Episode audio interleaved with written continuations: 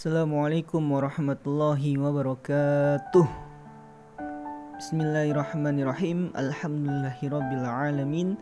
Ashhadu an la ilaha illallah wa ashhadu anna Muhammad Rasulullah sallallahu alaihi wasallam wa ala alihi wa ashabihi amma ba'du.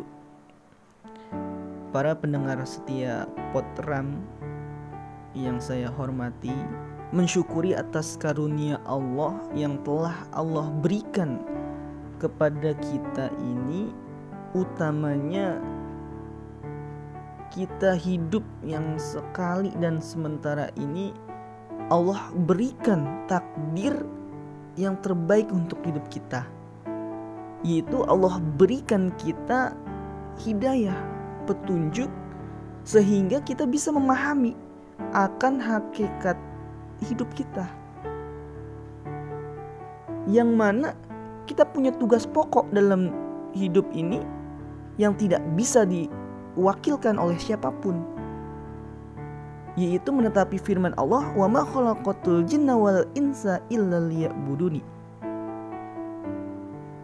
Sohib tawanku yang tercinta Allah masih mentakdirkan kita bisa menjumpai bulan yang penuh rahmat ini, bulan penuh ampunan, bulan yang penuh berkah yaitu bulan Ramadan. Yang mana di dalam bulan Ramadan Allah telah perintahkan bahkan mewajibkan hambanya umat Islam untuk berpuasa.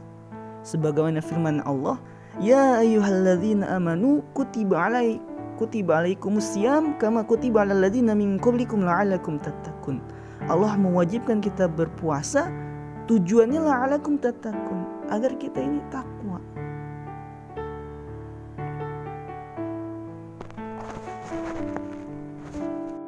Sohib tahunku yang tercinta, puasa adalah ibadah yang agung di sisi Allah. Ya, di dalam uh, hadis Muslim uh, dijelaskan, "Kullu amali ibni Adam yudha'afu al hasanatu asyaru amsalha ila sab'i mi'ati di'fin. Qala Allahu azza wa jal illa saum fa innahu li wa ana ajzi bih yada'u syahwatahu wa ta'amah jadi di bulan Ramadan ini semua amalan anak Adam itu Allah lipat gandakan. 10 hingga 700 lipatan. Nah ini amalan di luar amalan puasa ya baca Quran, ya sodakoh, ya amalan sholat, ya amalan berbuat baik. Itu Allah lipatkan hingga 700 lipatan. Namun kata Allah illa saum kecuali puasa. Nah, puasa ini adalah amalan yang agung di sisi Allah sehingga Allah sendiri yang akan menentukan balasan pahalanya orang yang berpuasa. Ya. Jadi amalan-amalan di luar amalan puasa itu sudah Allah uh, takar ya segini-segini dan malaikat pun tahu pencatat amal tahu tapi untuk amalan puasa ini Allah sendiri yang menentukan bahkan um, malaikat pencatat amal tidak mengetahuinya.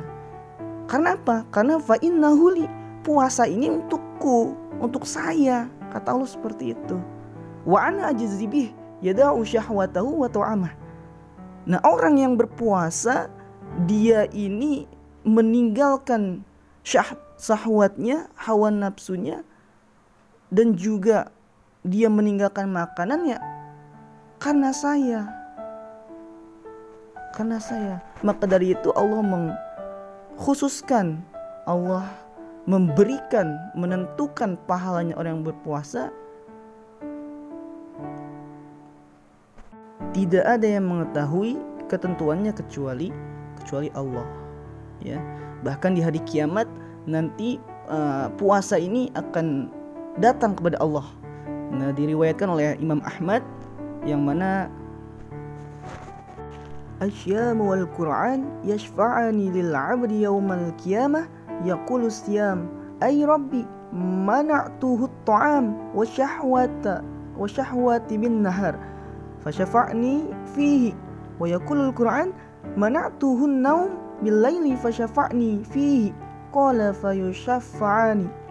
Nah jadi di hari kiamat nanti Al-Qur'an dan puasa itu akan datang kepada Allah ya dia akan uh, berkata ya Rob aku telah mencegah si fulan ini dari makanan dan syahwatnya di waktu siang maka berilah saya syafaat untuk memberi syafaat kepada orang yang berpuasa.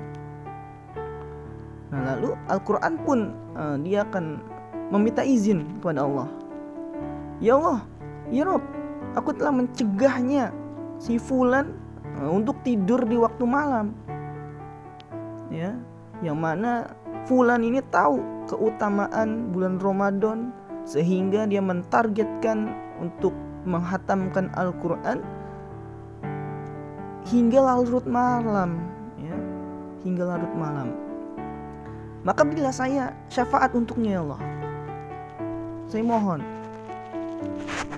nah bahkan di uh, riwayat lain ya saking amalan puasa ini agung di sisi Allah Allah juga menyiapkan pintu menuju surga khusus untuk orang yang ahli puasa yaitu pintu Ar-Royan. Nah, itulah uh, beberapa keutamaan puasa, kefadalan puasa.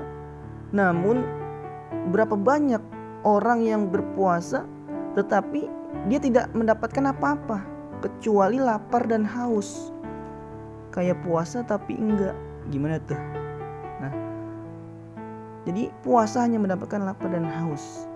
Nah, sedangkan puasa itu mempunyai ketentuan-ketentuan yang tidak hanya menahan lapar dan haus. Di dalam hadis yang sangat familiar kita jumpai, Man soma Ramadana imanan wa ihtisaban gufirolah ma taqaddama min zambi. Ya. Jadi dalam hadis ini dijelaskan bahwa hal yang mendasar ketentuan dasar orang yang berpuasa imanan wahtisaban ya karena iman dan juga berharap pahala nah nggak bisa puasa karena ikut-ikutan atau puasa buat konten. Nah, bisa seperti itu ya. Ada youtuber sebelah dia berpuasa untuk buat konten padahal dia non Islam nah itu tidak akan diterima puasanya ya. Nah di dalam uh, hadis Ibnu Majah Nabi pernah menyindir Rabbi so'im hadzuhu min siyamihil ju' wal atoshu Berapa banyak orang yang berpuasa yang tidak mendapatkan apa-apa kecuali lapar dan haus. Nah hal tersebut terjadi ya karena orang hanya menganggap puasa itu hanya sebatas menahan lapar dan haus, sehingga dia tidak mengerti ketentuan-ketentuan lain yang dapat menimbulkan puasanya itu tidak akan diterima. Berpuasa tapi masih berani berbohong, ya. Nah itu Allah tidak akan membutuhkan puasa orang tersebut. Nah ini sangat tragis sekali ya kita berpuasa, menahan lapar dan haus seharian, eh hanya karena ucapan dusta ya, kita tidak bisa tinggalkan sehingga puasa kita sia-sia. Selain itu, hakikat puasa adalah menahan diri dari segala sesuatu yang tidak bermanfaat. Sebagaimana hadisnya laisa siyam minal akli wasyarbi inna masyam minal lawi wal walarofas ya bukanlah puasa itu sebatas menahan diri dari makanan dan minuman. Tetapi puasa adalah menjauhi perkara yang sia-sia lago ya. Dan kata-kata kotor ucapan kotor perkataan toksik ini yang harus dihindarkan. Atau rofas itu bisa diartikan ucapan-ucapan yang menjurus ke hal pornografi. Nah, yang akan menimbulkan syahwat. Nah, itu hal-hal ya yang harus kita hindarkan ketika kita dalam keadaan berpuasa. Nah, ini sangat sering kita jumpai di luar sana bahkan tidak menutup kemungkinan kita juga tidak sengaja uh, melakukannya sehingga puasa kita ini sia-sia hanya mendapat lapar dan haus. Kayak puasa tapi enggak. Demikian uh, penyampaian dari saya. Kurang lebihnya saya minta maaf yang sebesar-besarnya. Wassalamualaikum warahmatullahi wabarakatuh